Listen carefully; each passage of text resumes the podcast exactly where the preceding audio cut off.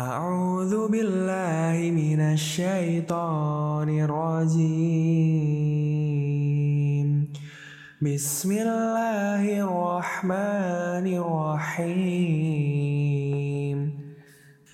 القارعة ما القارعة؟ وما أدراك ما القارعة؟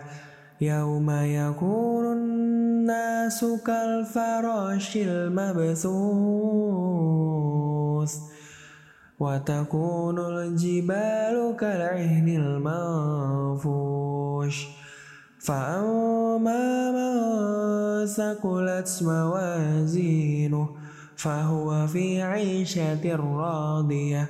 وأما من خفت موازينه فأمه وما أدراك ما هي نار حامية.